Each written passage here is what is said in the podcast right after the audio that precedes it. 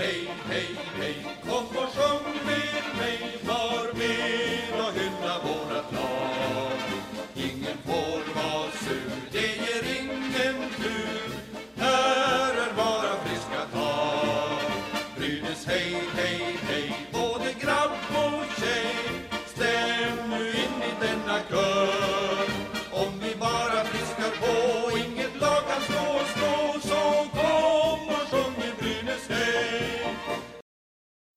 då hälsar vi välkomna till veckans avsnitt av Brynäspodden.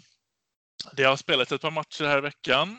Som jag tror de flesta vet så har det inte blivit supermycket vinster för Brynäs den här veckan. Det har spelats fyra matcher och bara en av dem som har blivit vinst tyvärr. Ändå tror jag inte att det är just vinsterna och förlusterna som vi kommer fokusera mest på idag, utan det kommer såklart bli en del av kakan. Men vi har mycket annat att prata om. Jag tror att Viktor har en del att säga om veckan som har varit. Det stämmer va? Ja, du har nog ganska rätt i det. Mm, det, har, eh, det har hänt lite spridda, lite olika grejer på olika plan. Eh, vi ska ta igenom matcherna som har, som har varit. Sedan har vi en del att prata om kring eh, situationen kring Brynäs damlag. Har vi tänkt ta upp en del. Det har även dykt upp nya restriktioner här under dagen. Eh, under inspelningsdagen här, så det är lite ny info för oss fortfarande. Men det påverkar ju såklart hela elitverksamheten i hela Sverige egentligen.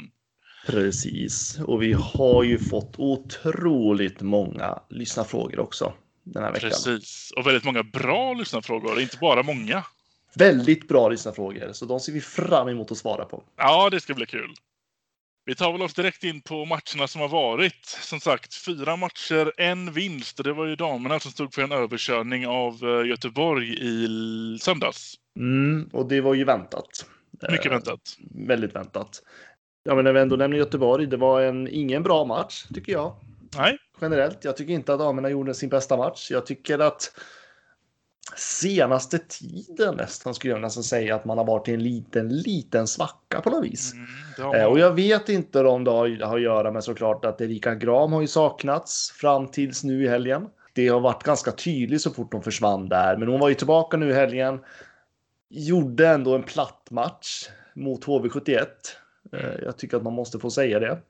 Det var ingen bra match alls. Eh, Nu såg inte jag hela den ska jag säga, för det var en annan tråkig match som också Mm, pågick på sidan om som vi kommer nämna senare. Men eh, ja, 6-0 mot Göteborg var ju väntat. Alltså det är en sån stor klasskillnad i SHL. Vi har ju pratat om det här många, många gånger tidigare. mm. Ja, och där var det lite som man varit inne på att det var inte Brynäs bästa match och även om det inte är Brynäs bästa match så ska vi ändå vinna. Sen 6-0, ja, det, det blev vad det blev. Den, eh, den kan man ju nästan lämna bakom sig. Ja, det, alltså ja, så mycket var det inte att ta med från det. Tråkigt dock att det blev en sån tydlig förlust mot just HV som jag vill ju hålla dem lite extra, HV och Luleå, som de toppkonkurrenterna mot Brynäs i år. Ja, du lyfte ju den matchen mycket mer än vad jag gjorde förra veckan. Jag tror att eh, jag kanske var lite för naiv. Mm. mot just HV71. Eh, nej, men det är alltså det är bara att gratulera till eh, HV. Det, visar ju någonstans att de har ju ett bra lag och eh, kanske kan överraska lite grann nu i slutet av den här säsongen.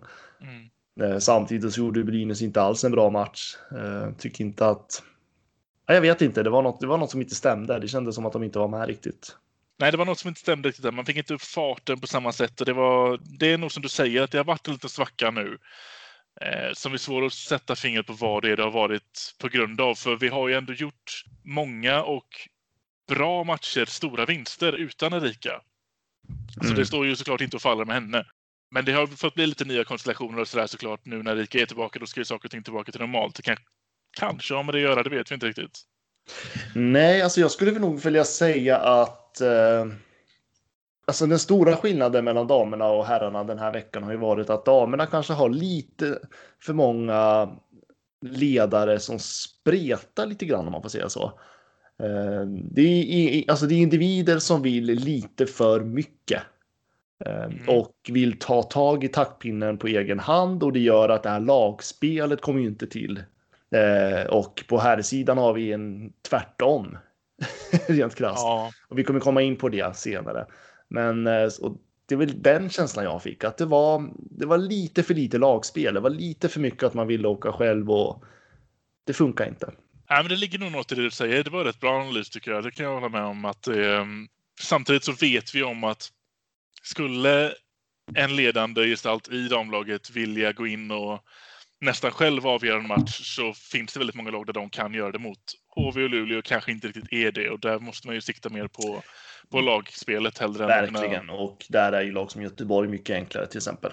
Precis. Samlat Skellefteå-försvar, Jakob Silfverberg. Men vilket mål han gör! Vilket mål han gör, Jakob Silfverberg!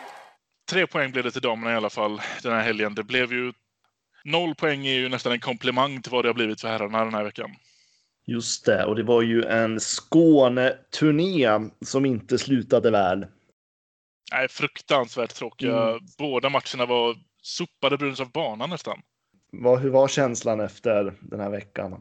Eh, ja, visst, man vet ju om att Rögle är ett bra lag. Jag har all respekt för Rögle. Jag vet, vi, vet, vi har ju slått dem tidigare i den här säsongen visserligen, men jag räknar ändå Rögle som en, eh, om inte topp tre så definitivt ett topp sex-lag denna säsongen.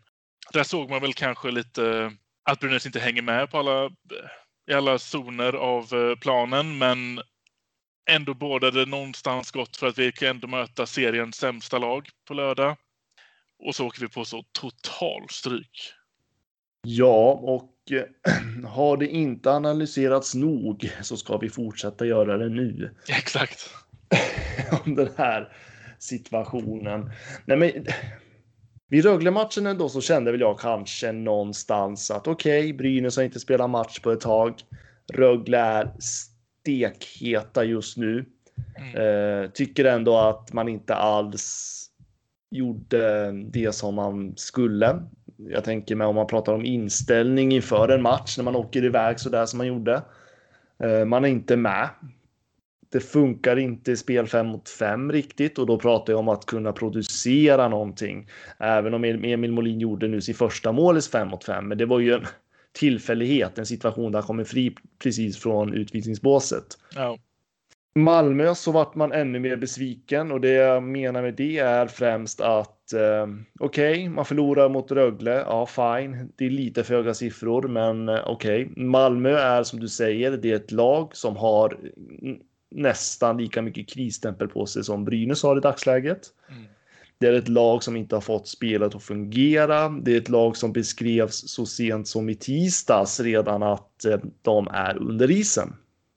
Här har Brynäs världens guldläge att vända på sin lilla skuta. Att sätta prägel på sitt spel och sätta dit Malmö så att Malmö känner sig tillbakapressade och stressade. Men det blir precis tvärtom jag kan inte minnas mer än de första bytena, kanske de första två minuterna av matcherna tyckte jag att det här kan, det här kan bli spännande. Brynäs har en chans här. Men från första målet så är det kolsvart. Det är, mm. det är inget snack om saken att det är mm. Malmö mm. som styr och tar hand om taktpinnen den här matchen. Och man förlorar ju Malmö-matchen i den första perioden. Ja. Hade Brynäs spelat som de gjorde i den andra och tredje perioden, då hade det blivit match av det här. Men det Absolut. går inte. Ligger man under med 4-0 efter andra, det är jäkligt tufft att ta ikapp det. Samtidigt imponerande nog får vi iväg 43 skott på mål. Mm. Det förstår det... jag inte, för jag kan inte säga att jag såg de 43 skotten. Nej, men det är ju för att man spelar så. Och det här, jag vet att Peter Andersson fick otroligt mycket kritik för att han sa att han tyckte att Brynäs gjorde en, kanske en av sina bästa insatser i spel 5 mot 5. Och eh, helt ärligt så håller jag faktiskt med honom i det. Problemet var ju situationerna när Brynäs inte fick spela 5 mot 5. Det var ju, det var ju boxplay, det bedrövliga boxplay som gjorde att Malmö fick chansen också. Mm. Ja, fyra man, mål gjorde de Ja, och bryter man ner den här matchen i situationer så gjorde inte Brynäs så mycket tok. Ehm, men eh, samtidigt så är man hamnar ju totalt under isen efter på grund av första perioden. Sen gjorde man det bra. Sen kommer ju nästa problem. Det är att vi inte kan göra mål. Mm. Och i den där matchen, ja, det var ju Patrik Berglund och på tal om Patrik Berglund så är det någonting som jag reagerar på. Jag vet att det är flera andra som också reagerar på det. Att jag vet inte, jag, jag varit arg på honom i lördags. Utifrån att han står där som tvåmålsskytt. Och liksom Brynäs har ett läge inför den tredje perioden att hämta igen det här. De ligger bara under. Från fyra, att ligga under med fyra mål så ligger de under med två mål. Och framför kameran inför alla fans så visar han ingenting på någon kämpaglöd. När han blir intervjuad. Han pratar bara om hur dåligt det är, hur dåligt det fungerar, att matchen inte är något bra. Och då står han som tvåmålsskytt inför en tredje period där Brynäs måste jaga kapp, där de till och med har potential att jaga kapp för det börjar se bra ut. Mm. Alltså jag vet inte. Jag varit, det var en frustration. Ja, det var, mycket, det var inte mycket som stämde så sett. Det var, jag tycker mig se det väldigt spritt över alla matcher nu egentligen att det är inte mycket till kämpaglöd i, speciellt inte de här um, intervjuerna mellan perioderna, men inte heller, jag ser inte samma sak på isen som man kunde se i början på säsongen. Nej, men jag tycker, alltså, jag tycker att resultatet mot Malmö-matchen tycker jag att Brynäs faktiskt kan bara damma av sig. Det var första perioden som var bedrövlig. Sen såg det faktiskt bättre ut, men då ska man också komma ihåg att det såg bättre ut mot ett lag som Malmö.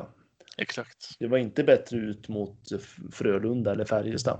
Men eh, det såg bättre ut, spelet såg faktiskt bra ut i, viss, i omgångar. Sen åker man på helt totalt onödiga utvisningar. Mm. Sen tycker jag att domaren var lite väl tuff med Greg Scotts utvisning där. Ja, matchstraff blev det den. Ja, han fick en fem, fem minuter va, istället för två plus två. Den är jag inte heller riktigt helt med på hur det kan bli ett matchstraff där. Nej, och där var ju domaren tydlig med att de har två alternativ, två plus två eller fem minuter. Och de valde det värsta. Mm. Och det där vet jag att de har fått mycket kritik för efteråt också, att de valde det. För att just den situationen så kunde inte Greg Scott, alltså jag ser inte, det var ju, det var inte med mening han gjorde det. Nej, det är väldigt Eh, tydligt. Det var en Han ville ju verkligen bara förbi Ja, ja, ja. Det var en olyckshändelse. Han hade klubban för högt upp, ja, men det var en olyckshändelse. Jag tycker inte att domarna ska ta det beslutet där och då. En utvisning, absolut. Ja, ja, absolut. Det måste det bli. Och lik, men samtidigt också de här tekningarna. Alltså sådana utvisningar. Man åkte ut för en visning med att man var för många spelare på plan. Mm. Det är de där och så har man ett boxplay som inte fungerar. Det är ju det är, ju- det är de där situationerna som gjorde att Brynäs totalt floppade den där matchen. Mm. Så jag förstår ändå när Peter Andersson säger att vi spelar faktiskt bra fem mot fem, för det gjorde man. Men det är allt annat som inte fungerade den där kvällen. Så jag tycker att han, Andersson fick lite för mycket kritik av fansen efteråt. Men eh, vi var alla upprörda den kvällen, så att det är inget... Ja, jag tror inte det hade spelat stor roll vad Peter Andersson sa där egentligen. Man är arg i vilket fall. Det blir femte raka förlusten man åker på här nu. Och eh, sen ska man väl, vi kan väl ändå säga det nu också att eh, Jonathan Sigalet var ju inte med i Skåne turneringen. Men eh, vi har ju fått uppgifter att eh, det verkar röra sig om någon form av skada och att han kommer att komma till spel i slutet av den här veckan. Mm. Så att det var ingen frysbox eller något annat utan säkert någon känning någonstans. Ja, och det har varit lite oklart kring det där. Man har inte varit helt hundra på varför han inte åkte med till Skåne överhuvudtaget. Eh, så man har haft lite spekulationer, men det rör ju sig om en skada då. och Då ska det vara över till slutet på veckan, så vi får se honom på is igen. En, ehm, en viktig backpjäs. Ja, absolut, särskilt i en period där Brynäs backspel inte fungerar. Det ser otroligt eh, svagt ut i försvar, defensivt spel just nu. Och backspel överlag tycker jag inte om. Jag vet inte, det känns inte som att det där spelsystemet som Peter Andersson försöker sätta dit är in, har inte riktigt satt där än. Man ligger kanske lite för långt bak än vad jag skulle vilja vid det här laget. Mm. Och jag vet inte om det beror på att eh, man har säkert tränat på det jättemycket, men det är en sak att vara och träna på det i träningssituationer, men sen hamnar man i matchsituationer och där vet jag inte om det här beror på att Brynäs har missat många matcher som de måste ta igen. Eller om det bara är så att det här laget ligger efter i vissa delar. Nej, precis. Jag har också funderat lite på det. Det har ju varit väldigt hoppigt, det var jag varit inne på tidigare, och det kommer säkert fortsätta vara hoppigt för Brynäs. Vi verkar ju dras med den oturen med hur ofta vi faktiskt får spela match, men det känns som att vi ligger någonstans bakom i schemat när det kommer till att leva upp till den här match, till den här strukturen som Peter Andersson vill ha. Precis, och eh, jag tror att vi kommer in mycket på det med lyssnarfrågorna va? Mm. kring det där. Så jag tänker att jag sparar det lite grann. Sen kan vi flika in också och säga att det har blivit klart här i veckan med Alexander Lindelöf som inte kommer spela vidare i Brynäs längre. Han har varit på kontrakt nu länge och han har väl fått någon eh, extra backsposition någon match där man faktiskt fått någon istid, men, men nu är kontraktet brutet alltså. Ja, precis. Eh, att det är helt brutet. Man liksom båda parter måste ha kommit överens där helt enkelt. Ja, precis. För Det var ingen som köpte ut honom Nej, han var inte det klar var- för någon annan klubb och jag vet liksom inte om det innebär att köpte Brynäs ut honom eller bara avbröt de det. Nej, bra fråga. Det enda jag läste är att han, det är slut nu. Hej då. Ja, för det är där jag blir lite fundersam på. Eh, Utifrån situationen som är att det är väldigt svårt för spelare idag att hitta en arbetsgivare. Mm. Att Lindelöf, om det inte är så att det fanns någon klausul i kontraktet Brynäs kunde använda, att Lindelöf kunde kräva att Brynäs måste betala ut honom då. Ja, köpa precis. loss honom. Men jag vet inte. Jag tolkar det att avbrutet, att man avbryter Ja, överenskommelsen. Kanske jag som övertolkar, inte vet jag. Då kan jag förstå varför man har råd med Gundler också. precis. Eh, bort, bortsett från det vi pratade om förra veckan, det här med NHL-pengar och så vidare. Men då går ju Lindelöf lön till det då. Jag vet inte, Ja, jag ska inte spekulera i någonting jag inte har för mycket eh, stenkoll på känner jag. Nej, men jag kan hålla med om att det, det, det hade ju varit bra om det var så. För handlar det om att vi måste köpa ut honom, då är det ju inte längre värt det ens. Utan då är det ju fortfarande en back vi kan kasta in som sjunde back emellan oss. Eller som backup i framtiden om någon skulle skada sig. För handlar det om pengar plötsligt så är det ju en annan situation i och med att inga pengar ska väl egentligen spenderas nu. Nej, det är, jävligt, det är ju ett tufft läge liksom. Så att, Mm. eh, Men är det avbrutet så är det väl avbrutet då. Alltså det är så jag tolkar det i alla fall. Mm. Kanske Ja. någon av våra lyssnare som har bättre koll än vad vi har på det där. Så får Ja, ni gärna höra av sig i så fall. Väldigt gärna, för den, eh, den, den vill man ju veta lite mer om. Ja, Nu har han gjort flest mål i en SM-finalserie i ett SM-slutspel genom tiderna. Men vilket mål han gör! Ja, nej men eh, damernas, vi går tillbaka till damlaget lite snabbt här bara. Det var ju så att dam, damlagets huvudtränare Henrik Glas röt ju i på Twitter efter förlusten i lördags. En situation som jag tycker är väldigt intressant. Eh, och det var ju så att du, damerna gjorde ju en mindre bra insats, förlorade eh, väldigt mycket. Då upplevde ju Glas att eh, herrarna fick ta oändligt mycket kritik medan damerna trots sin förlust fick ta ryggdunkar och kämpa på. Det kommer gå bra det här. Mm. Och det gjorde han irriterad då. då. Så att han twittrade ut och jag citerar. Samtidigt som kritiken mot herrlaget är hård får vi ryggdunkar med orden kämpa på. Ska vi ta verksamheten vidare uppåt? Sluta linda in oss i bomull. Vi förtjänar kritiken idag. Precis alla. Punkt. Och tre utropstecken. jag kan ändå förstå, jag förstår ju definitivt vad han menar med detta. Däremot, det har ju, vi ligger ju två i tabellen. Att förlora en match här och där är inte hela världen. Det, det är lite... Nej, men det är just den mentaliteten vi inte ska ha. Det är väl lite så. Och, det är, och han har ju faktiskt, för mig blir det här en större fråga än den enskilda matchen. Mm. För att jag, jag menar, jag har bevakat damhockeyn, alltså Brynäs damlag sedan 2011. Jag vet inte om det är någon som minns mina små spalter i Gävle-tidningarna för hundra år sedan, men det var i alla fall den tiden ingen brydde sig om damerna. Nej, men just det här att det alltid är lite grann att vi ska, alltså det är för mycket daltande kring damhockeyn. Mm. Det är för mycket hålla hand på något vis. Det är liksom så här. Det har, varit, det har varit så länge att, och det tycker jag också alltså, att det är inte, det är inte bara fansen och så. Eh, det är ingen kritik mot dem. Det är klart supportrar ska uppmuntra sitt lag. Men just det här eh, hur media hanterar damhockeyn främst också.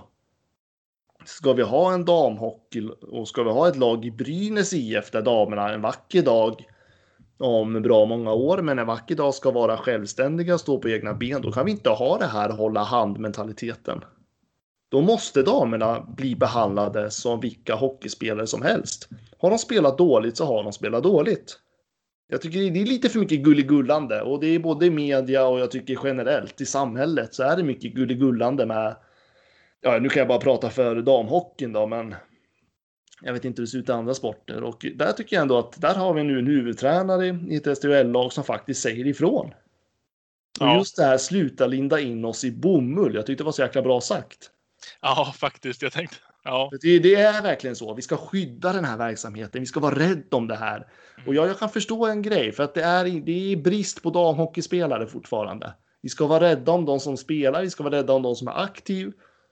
De får utstå med väldigt mycket runt om ishockeyn, men de är fortfarande elitidrottare. Mm.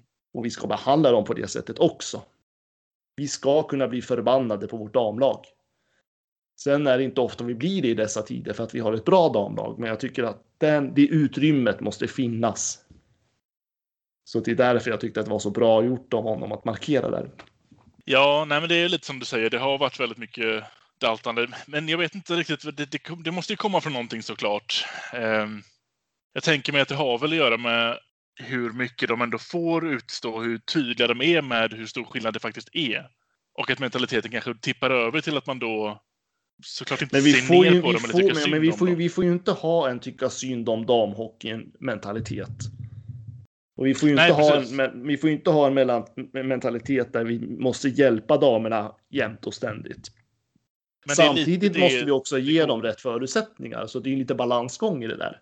Och sen är ju Henrik Larsson, han är ju en väldigt seriös och noga tränare. Jag menar, det är liksom, han, hakar, han, han ser ju detaljerna va? och liksom vill hela tiden bli bättre. Så att han är ju väldigt, han är ju en sån tränare. Så, nej, men jag tyckte det var bra. Jag tyckte det var bra att en, en som är akt, aktuell inom damhockeyn också kan markera på det där viset. Höja ribban lite. Hjälpa oss att förstå vad, vilka typer av förväntningar vi faktiskt ska ha. Ja, men vi måste det. Man ska kunna busvissla åt ett damlag också.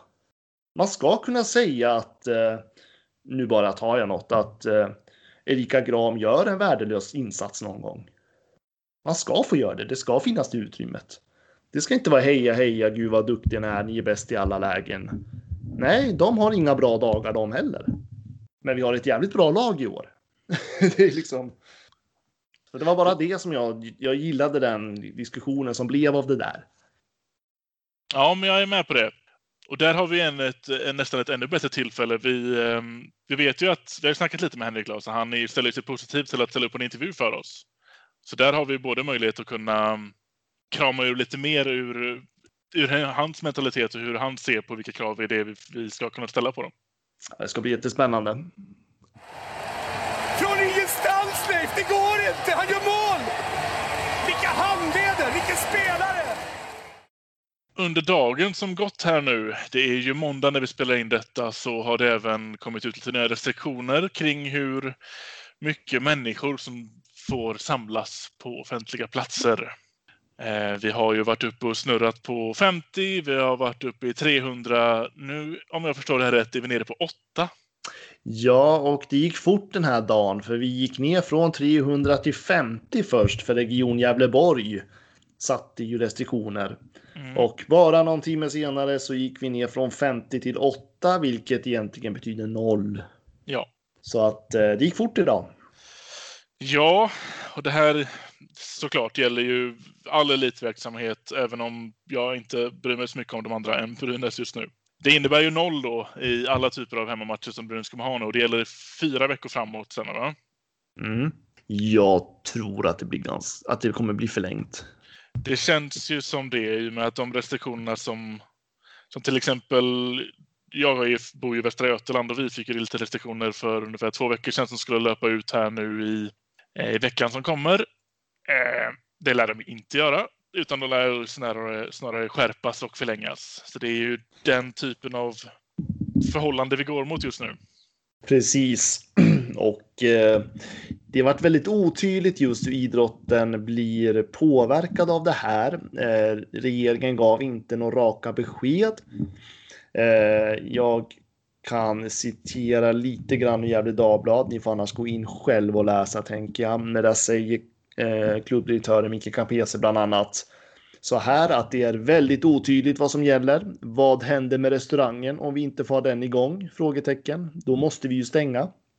Det här kommer ju då i så fall i värsta av lägen att eh, drabba inte bara Brynäs men elitidrotten överlag väldigt hårt. Mm. Och där vet jag att eh, svenska fans har ju, alltså våra redaktörer så att säga, har ju då skrivit lite grann om det ens kommer gå att bedriva en elitverksamhet. Eh, Men beskeden är ju att den får fortsätta. Så att den kommer, det kommer den ju göra, men eh, det är ju lite det här. eh, Alltså den stora frågan är hur hög blir det här stödpaketet som regeringen kommer gå ut med? Mm.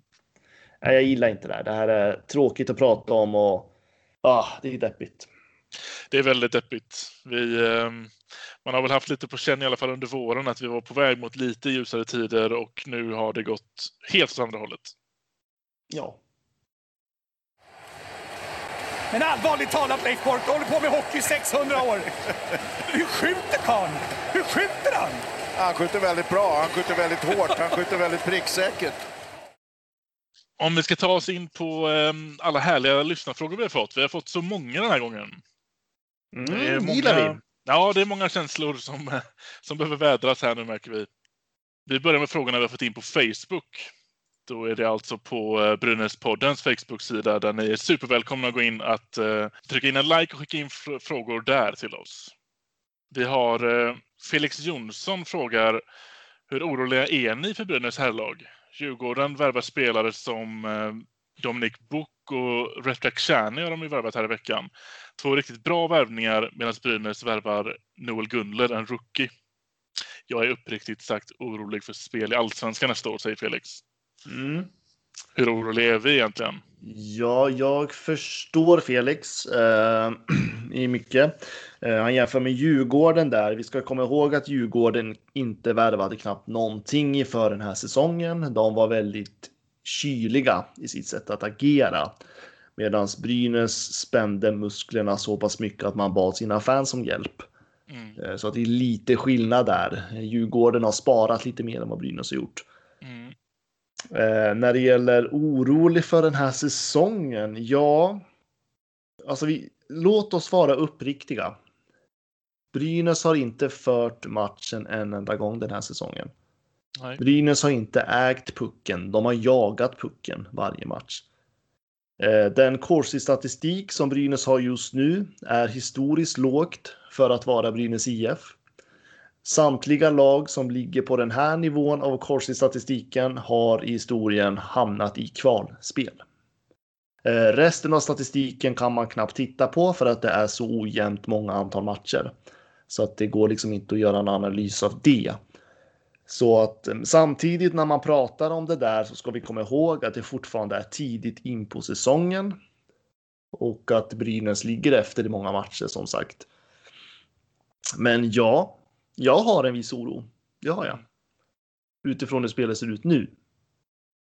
Ja, jag känner ju samma. Det, en oro börjar ju krypa sig på i och med att, som du säger, vi har inte, vi har inte fört spelet en enda match hittills. Det som är till vår fördel när vi pratar om detta då är ju att det är tidigt på säsongen. Vi har många matcher kvar att få in spelet och, och börja se vettiga ut när vi spelar hockeymatcher. Men som det ser ut just nu idag så börjar man bli lite orolig, ja. Ja, och frågan är om... Alltså det, är- det, det är lätt att känna oro efter en sån här eh, helg också som vi har haft, en sån här vecka. Eh, men eh, det är mycket som inte stämmer just nu. Och jag tror att... Alltså jag, jag skulle inte säga att det är kris, jag skulle inte säga att det är panik på något sätt heller, men ja, det finns vissa tendenser till oro.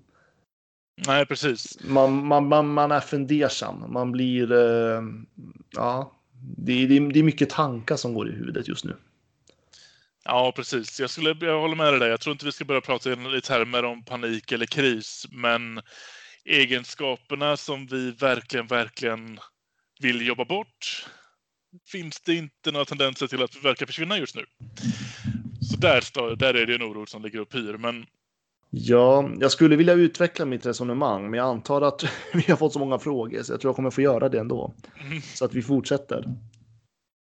då har vi fått in en fråga från Erik Renström. Kommer Brynäs värva någon ersättare till Andrén eller kör de vidare med Ersson Mattsson tills Andrén är spelklar? Den har vi väl fått ett svar på faktiskt. Mm. Där är det ju Hockey News som har ehm, gjort en intervju där det framkommer att nej, man kommer inte göra någonting åt det här just nu.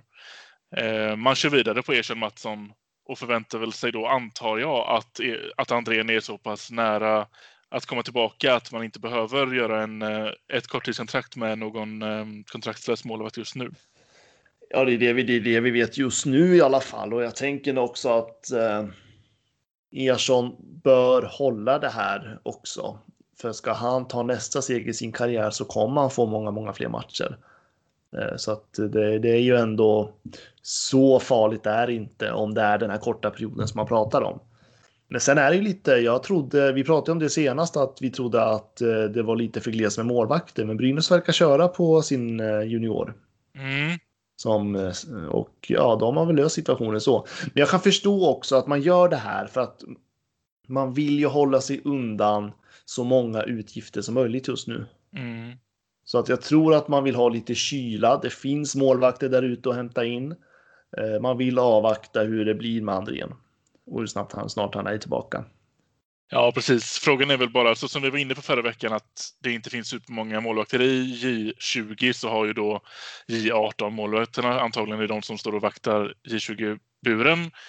De som blir lidande här just nu då kanske är J18 istället. Ja, eller så, eller, så, eller så är det så om matcherna inte krockar heller så kan ju J20-målvakten spela båda, båda serierna. Ja, det är liksom inte, det är inte så att han sliter sig när han sitter i båset. Nej, eh, planen är ju att Mattsson ska kunna vara utvilad till sina J20-matcher också. Ja, precis. Så att nej, det där blir inga... Men jag tror Brynäs har lite kyla.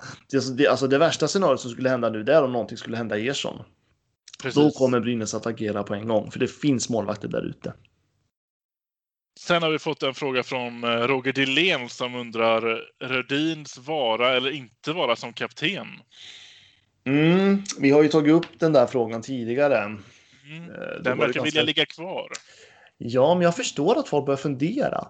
Eh, och jag skulle väl säga så här, alltså ett stort problem med Brynäs situation just nu, det är att de ledande spelarna inte leder laget. Och vi, jag vet inte om vi kommer in på det, men vi pratar ju mycket om att förändra en kultur inom Brynäs IF. För att det har varit en ganska, jag ska inte säga loj eller tam, men den har varit ganska, det är inte så strikt kultur tidigare när det gäller träningskultur, eh, spelarnas agerande. Och vi ska komma ihåg att Anton Rudin är ju fostrad in i det här. Mm. Och nu har vi en tränare som måste förändra den här kulturen som finns och på någonstans sätta de här tydliga strukturerna. Man måste få in ett annat tänk när det gäller att komma till jobbet varje dag. Tänk. Eh, det var mycket prat om det för, men det har ju visat sig att Brynäs ligger efter i mycket av sitt arbete genom åren. Ja, absolut. Och, och att då förändra en spelare som Anton Rudin som kanske är van med ett helt annat situation i Brynäs IF. Och helt plötsligt så kommer Peter Andersson att sätta sina tydliga ramar. Jag vet inte om det passar Rudin så jäkla mycket. Får jag säga så? Ja, för jag tänker lite... Och, jag, och det här är inte bara Rudin ska jag säga. Det är inte bara Rudin, utan det här gäller alltså alla spelare som är kvar sedan tidigare. Och jag säger inte att man ska ta bort Rudin, det är inte det. Rudin ska vara kvar, han är ledande spelare, han passar jättebra, det är inte det. Men jag vet inte hur det här påverkar hela laget. Och jag menar, även om Rudin är en bra spelare, är han verkligen rätt lagkapten just i den här situationen? Kanske skulle han varit bättre bara att vara en ledande spelare. Jag vet inte. Ja, men det är lite det jag också inne tänker på. Vi vet ju om att Rudin är en ledare. Ja. Men frågan är om han är ledaren för den här typen av lag som Peter Andersson nu vill skapa och föra framåt. Det kanske är så att det finns en annan ledare i gruppen som är bättre för just det här situationen och det här laget. Det... Ja, men jag, alltså jag tänker att Brynäs behöver rensa bort gamla rävar. Mm. Ta till exempel Andersén. Han ska inte vara kvar i Brynäs länge till. Och det, har, och det har att göra, dels så tycker jag att Andersén har sjunkit väldigt mycket i nivå. Eh, men det är också lite grann det här att ska man bryta en kultur så kanske man måste ta bort några personer. Eh, men, men nu har ju Brynäs valt att man kommer bygga runt Anton Rudin, vilket jag tycker är helt rätt. Han är en av våra absolut bästa spelare. Ja, jag vet inte, det är en svår fråga. Ja, det är det. Måste, samtidigt... man, ha, måste man ha tydligt svar på den frågan?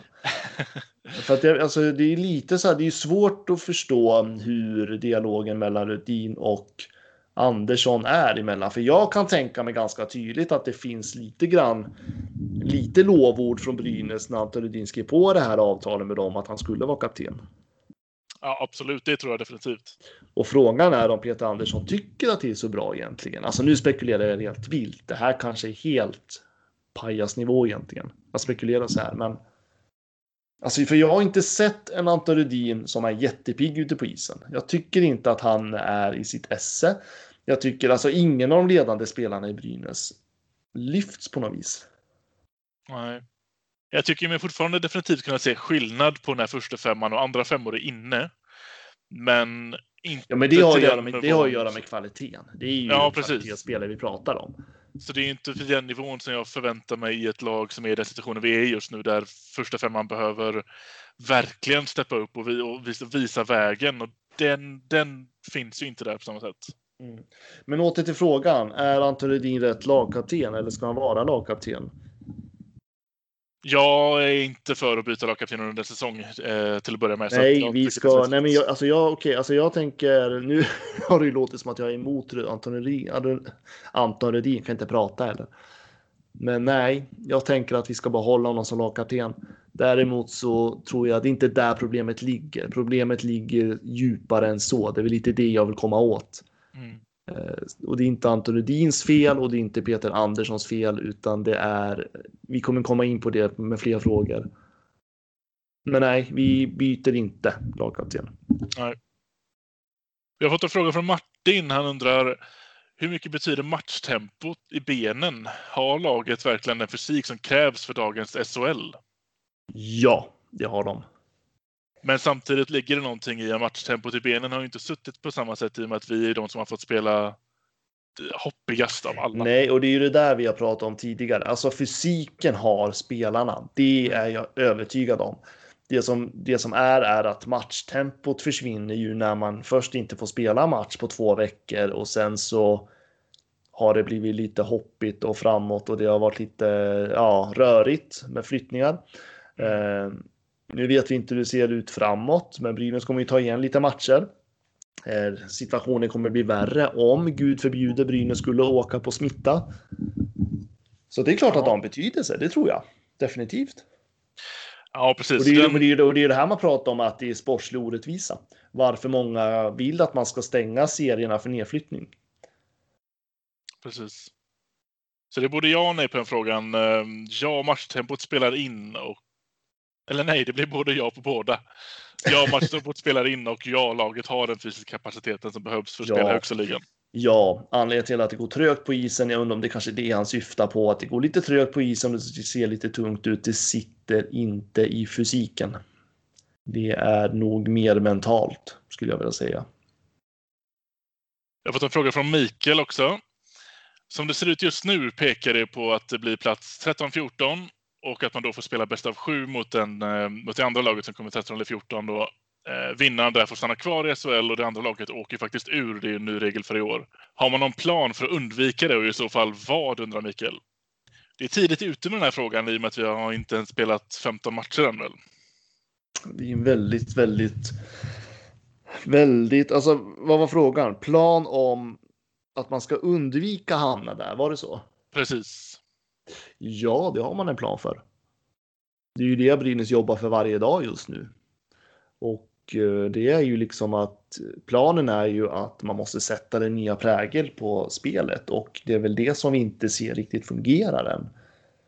Sen kanske någon tycker att man har en plan B då. Och eh, nej, det tror jag inte att det finns. Men jag tror just nu så är Brynäs i en vågskål någonstans att man, man, man ligger, alltså det är ju balansgång det där för att man har haft motigt, man har förlorat många matcher. Det går inte som man har tänkt sig. Det är jätteriskabelt läge nu att det här sätter sig i huvudet hos spelarna. Och det är där Brynäs behöver lösa. Den, den knuten måste Brynäs lösa först och främst. Ja, det är ju steg, det är ju steg ett. Den mentala biten måste liksom. Man måste, alltså, de måste fortfarande vara med i striden. De får inte liksom gå in i den här. Äh, för, för, alltså den är ju förrädisk den där bubblan. När man börjar grubbla, man börjar tänka för mycket, man blir en osäkerhet. Och det är det där jag pratade om när jag sa tidigare i podden att damerna kanske har lite för mycket viljor. De har lite för många ledare som vill visa vägen och göra allting. I Brynäs känns det som att det är ingen som vågar visa vägen. Och där är en jätteutmaning för ledarna. Och det tänker jag nästan måste man lösa först och främst. Annars så kommer vi nog stå där i kvalspel, ja. Jag vet inte om det var svar på frågan, men det var en spe spekulation i alla fall. Ja, precis. Vi, ehm, plan A finns ju där, och vi, men sen vet vi inte om det finns en plan B. Men det kan vi bara utgå från att det inte gör. För plan A är ju såklart att få spelstilen som vi försöker implementera att funka. Och gör den det, då behöver vi inte prata i termer om 13-14 plats. Nej, och ärligt talat, jag tycker inte vi ska prata så mycket om det nu heller. Det är för tidigt på säsongen. Mm. Ja, men då kan vi gå på lite frågor från vår Twitter och det är precis som allt annat. Man bara söker på Brynäspodden så hittar man vårt Twitterkonto och där kan man också ställa frågorna direkt. Och då har vi en fråga från en Team Svanberg som skriver i dagens lagbygge har vi en del kontrakt som ligger kvar sedan Dakell var ansvarig och en del är till och med från Bengtzéns tid som sportchef. Hela lagbygget är alltså inte Sundlövs, men är han rätt person att ha ansvaret för herrarnas verksamhet? Oj, jag vet inte om det där stämmer helt och hållet, för det finns ju många spelare som visst var med på till exempel Bengtzéns tid, men de har ju fått förlängt efteråt i så fall. Jag är ju dock definitivt team Sundlöv. Mm. Jag tror på honom. Ja, alltså. Det finns ett jätteproblem inom Brynäs rekryteringsverksamhet de senaste åren. Och det här har Brynäs erkänt, så det här är liksom inget, ingenting som är påhittat. Eh, man har värvat för dyrt för vanliga breddspelare. Ja. Man har haft, man har haft för dyra, alltså då pratar jag, man har haft en för dyr fjärde kedja och en för dyr tredje kedja formation om ni förstår. Eh, vilket har gjort att man har en onödigt dyr trupp utifrån hur lite poäng man får av truppen. Och det här var redan på Bexins tid.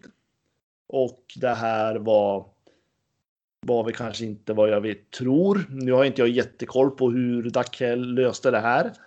Men det som jag tror att Andreas Dackell gjorde var väl att man kanske var lite för feg i rekryteringarna.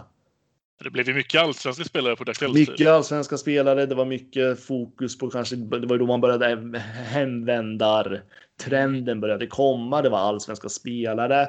Man tänkte liksom på någon, någonstans så kändes det som att man ville hitta tillbaka till det här gamla spåret efter Bengtzéns som har stuvat om i grytan lite grann.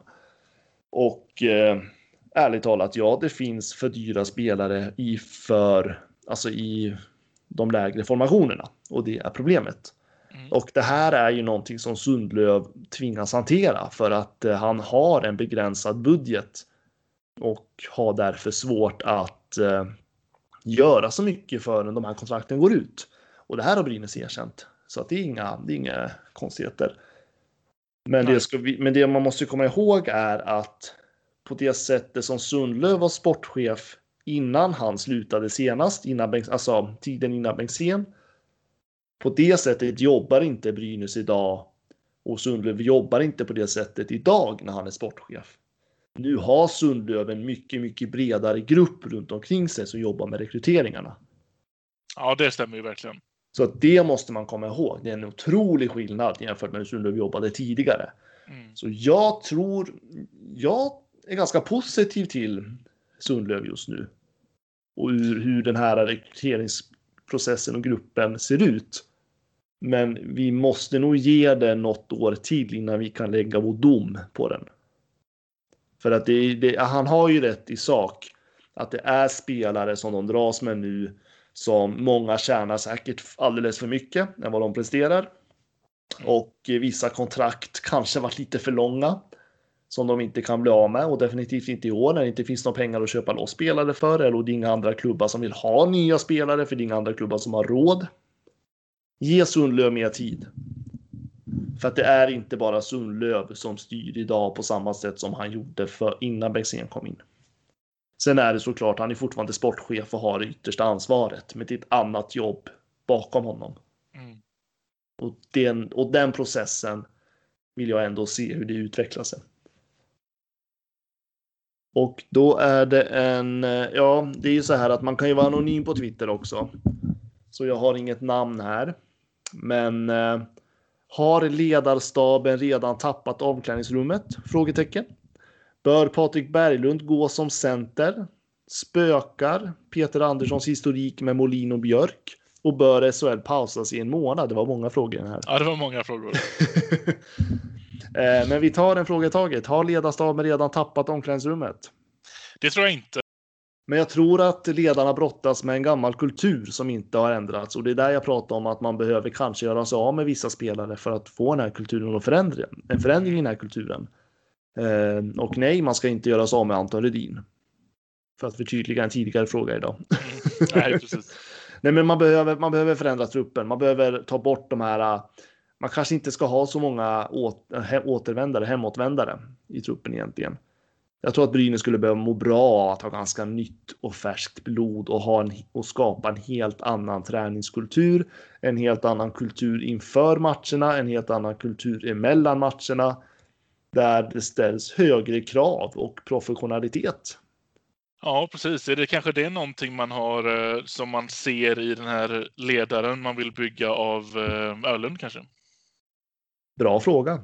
Mm. Jag vet inte. Men jag tror att Peter Andersson drar ett jäkla lass just nu och jag tror att han kommer ha det jäkligt jobbigt i, i sin arbetsvardag ändå. Mm. Han kommer ställa höga krav, men han måste också ha balansgång. Men ja, vi, får, vi måste ge honom tid. Det är det det handlar om. Bör Patrik Berglund gå som center? Det är en vettig fråga tycker jag. Jag Eh, vill faktiskt prova den. Ja, jag också. För Han har spelat center tidigare i sin karriär. Vi har alldeles för dåliga centrar generellt, bortsett från Greg Scott. Jag vill sätta honom som center bara för att se hur det fungerar. ja, precis. Jag, är, jag ställer mig absolut positiv till den. Man ska inte säga att det kan inte bli värre, för det kan det såklart bli. Men han, som du säger, han har ju spelat tidigare. Och han behöver vi få igång på något sätt. Nu gjorde han visserligen två mål mot Malmö, men han behöver hitta något som verkligen sitter så att han får den typen av glädje, spelglädje som jag inte riktigt kan se att han har idag. Nej, och det är väl det jag också varit kritisk till honom till. Han symboliserar ju ingen spelglädje. Han har ju en nonchalant stil i matchsituationer. Mm. Och det är där jag liksom inte riktigt vet vad jag tycker om honom. Men sen är han en duktig spelare, skicklig spelare. Men vi har också problem med att vi har rätt svaga centrar i Brynäs. Samtidigt har vi Patrik Berglund som är en jäkligt skicklig spelare. Skulle han kunna ta sin centerroll och vara lite spindeln i nätet i den kedjan på något vis? Det hade varit intressant att se. Jag säger inte att det kommer fungera, men det hade varit intressant att se. Mm. Så att ja, jag vill att han ska prova en centerroll. Och sen kommer ju också spökar Peter Anderssons historik med Emil Molin och Björk. Det tycker jag inte att den verkar göra, för till att börja med, Björk har spelat första backpar flera matcher i rad nu. Så den verkar de inte riktigt ha några problem med varandra om hans position i laget. Ehm, och jag tycker samtidigt att Molins fall i kedjorna är helt berättigat, för han presterar inte i 5 mot 5 och då ska man inte heller spela i en andra kedja. Ehm, så det är en, en enkelt nej för mig där tycker jag. Nej, jag håller inte heller med om Björk. Jag håller inte riktigt med Molin heller. Däremot så känner jag väl att jag inte riktigt vet vad man har Emil Molin någonstans. Nej, det är det som är problemet lite. Och det som oroar mig i det är om Emil Molin själv vet vad hans roll egentligen är i laget. Och jag tror det är säkert jättetydligt mellan honom och Peter Andersson, men jag ser inte det på isen. Och det gör väl mig lite orolig framåt så att säga, men eh, det är ju sånt där som kanske är tillfälligt. Så att eh, jag tänker inte att jag kommer inte dra några hårda växlar på det liksom. Men eh, nej, jag tror inte, alltså det är inte historiken som spökar. Det fin, alltså nej, det, Nej. det, det här inte på den här nivån. Jag tror inte det. Nej, jag tror inte heller det. Och bör SHL pausas i en månad? Vad tycker du? Ja, ska man ta hänsyn till de här nya grejerna som kom idag så tycker jag nog det faktiskt. Ja, alltså man börjar nästan luta åt det hållet, men jag känner att jag vet inte, jag skulle vilja ha lite mer betänketid på den frågan. Idag så lutar jag väl efter dagens besked från regeringen så lutar jag mig såklart till att lite mer att vi ska pausa ligan. Ja. Men jag har en jättebra fråga här som jag vill gå in direkt in på. För att Ja. den följer nämligen upp det här med eh, Emil Molin. Okej. Och det är, det, det är faktiskt en före detta Brynäs-skribent i, på Svenska fans och han driver idag Gävlepodden. Johan Norrström. Ja, spännande. Jajamän, och han ställer frågan så här. Tycker ni att Sundlövs idé om att skola om Emil Molin till lagets andra center har slagit väl ut? Det är ju en fantastisk fråga. Ja, och den, när han, precis så som han ställer den så känner man ju att det finns inget sätt att säga ja på det. Nej, det har ju inte slagit bra ut. Det har, Nej. det har gått jättedåligt. Och jag skrev ju faktiskt själv en krönika den här veckan med tankar om att man kanske borde sätta Emil Molin på ytterkant och Patrik Berglund på centerposition. Bara switcha på dem. De är ju som Jag skulle, ja, men jag skulle vilja prova det. Ja. För att just nu så känns det som att Emil Molin kör lite fast och Patrik Berglund kommer inte i sitt esse. Och jag vet inte om han inte vill ha någon centerroll heller. Jag vet inte. Men han, Nej, båda, Emil och Molin har ju spelat ytterforward tidigare i karriären och Patrik Berglund har spelat center tidigare i karriären. Ja, Så- så det är väl, rätta mig om jag har fel nu, men det är väl till och med så att Emil Bolin har varit ytter fram till nu. Det tror jag att jag vill påpeka bestämt ja på. Ja, Och Så den Patrik Berglund han spelade vara. väl center i typ NHL, gjorde han inte det? Jo, men precis. Han var ju center i St. Louis där. precis. Så om man har haft en centerroll i NHL så är han ju väl god erfarenhet av att spela centerrollen. Då bör han ju kunna axla den även i Brynäs, tänker jag. Ja, det är lite så jag tänker, så det är därför jag blir. Alltså, det är därför jag så gärna vill sk- skifta de två positionerna för att jag vill prova det. Sen tror inte jag att grundproblemet i det här laget bygger på vilken som spelar vilken position. Men eh, någonstans måste man ju lyfta på alla stenar som finns just nu. Och Precis. det där är väl en detalj som jag gärna skulle vilja se att det prövas. Ja, ja, absolut. Och det känns lite som att nu kanske jag är ute och cyklar, men Emil var ju en av de som, som var tydlig med att inför den här säsongen att han har inte tränat så här hårt och varit så här vältränad innan. Och det känns väl kanske lite som att den fysiken inte får blomma ut i den centerrollen han har just nu. Utan låt han löpa fritt på en vinge så kanske det kommer synas mer att han, att han är väl förberedd inför den här säsongen. Ja, och jag tänker lite grann hur man utnyttjar Emil Molin i powerplay också. Där han får mer yta, han får liksom vara lite mer på kanterna. Prova det. Jag skulle vilja se det. Sen har vi en Emil som skriver. Vad tror ni om att våga spela mer av våra yngre spelare? Birgersson och Solem tänker jag då främst. Speciellt Solem då han enligt mig visat sig värd att åtminstone få en fortsatt chans. Jag vet inte riktigt om jag håller med om det. Jag är nog lite mer på Birgersson i så fall än Solem, för jag vet inte vad jag tycker att jag har sett av Solem hittills. Jag tycker väl kanske inte att det har varit superbra. Eh, Men jag är absolut för att spela mer Birgersson. Frågan är ju bara att då, då är vi tillbaka på det här, vem är det vi petar i så fall? Mm. Och i ett lag som förlorar 7-2 mot Malmö kanske det finns jättemånga att peta. Men det är ju det här med att alltså, få ihop det här laget och sträva åt den spelplanen man vill ha. Och då vet jag inte om att börja peta spelare nu är, är läge för det. Nej. Jag tycker väl kanske att Birgersson är ett mer intressant namn i så fall. Frågan är om han är redo så mycket att provas den här säsongen, kanske nästa i så fall. Eh, Solen vet jag inte riktigt. Jag tycker att han har fastnat någonstans. Ja, precis. Jag tror, jag tror att han, han skulle nog vara en sån här spelare som mår bra av att kanske åka ner till Hockeyallsvenskan och få ett större roll under en Ja. hel säsong. Och sen komma tillbaka. Jag tror definitivt det är en bra plan för, eh, för Solem. Så det är liksom, det känns som att han någonstans har fastnat lite grann i Brynäs IF. Och jag, tror att, jag tror att det handlar mycket om att han får ingen tydlig roll och jag förstår det. Det är Exakt. brist på plat- platser. Han, får- han får ju komma in och vara en fjärde line-gnuggare som bara använder sin energi så gott det går med den lilla istiden han faktiskt får. Så att skicka ner honom i Hockeyallsvenskan och få kanske en, en tredje eller, eller kanske till och med en andra roll hade varit kanon för honom för att få visa att det här skulle jag kunna gå för. Och få den typen av både speltid och självförtroende och sen komma tillbaka till Brynäs tror jag är, ehm, det hade passat honom väldigt bra. Mm. Nej, jag har det faktiskt med. Kanske till och med att han eh, kanske inte kommer direkt tillbaka till Brynäs heller. Det hade varit intressant att se om han får prövas i SHL i ett annat lag och sen komma tillbaka i så fall. Ja, det är framtiden får utvisa. Mm. Och det var alla frågor på Twitter. Bortsett från, eh, ja, det är mycket som är väldigt likt allt annat så att säga. Mm. Ja, det var en lång eh, uppsättning frågor vi fick ta oss igenom då. Det är alltid lika roligt.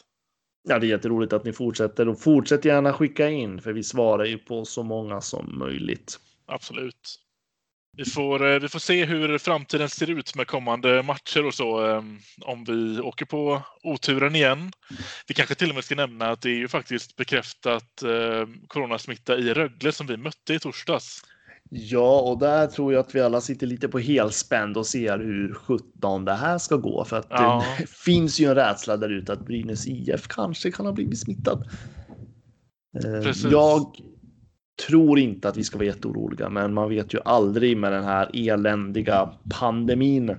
Nej, den har ju en liten inkubationstid som gör att vi vet, vi kommer inte veta, vi kan till och med släppa nästa avsnitt och fortfarande inte veta 100 procent. Precis. Eh, Men för att prata om nästa avsnitt så kan det vara så att det inte bara blir du och jag som kommer sitta och prata nästa vecka. Nej, just det. Det var faktiskt länge sedan vi hade gäster med oss och eh, eller en intervju och eh, vi kan väl lova att vi jobbar på det och det kan vara så att vi har en gäst redan med oss Mm. nästa tisdag. En, en favorit i repris, ska man vara så cliffhanger och säga så? Det är många som har bett att han ska återvända, ja. Mm. Och så lämnar vi det där. Ta hand om varandra, håll avstånd, tvätta händerna och lyssna på myndigheterna. Nu gäller det att vi alla tar gemensamt ansvar. Och tack för oss. Eh, Visst var det mål? För de, de ringer Ja, på ja, nu. ja. Men visst Ja, var den ja, inne? ja. Det, det har ju repriserna i någon mening visat. Va? Ja, ja, ja. Men de ska ringa för säkerhets skull. Och Här kommer Sören Persson ut och dömer mål. Ja. Då är det bekräftat.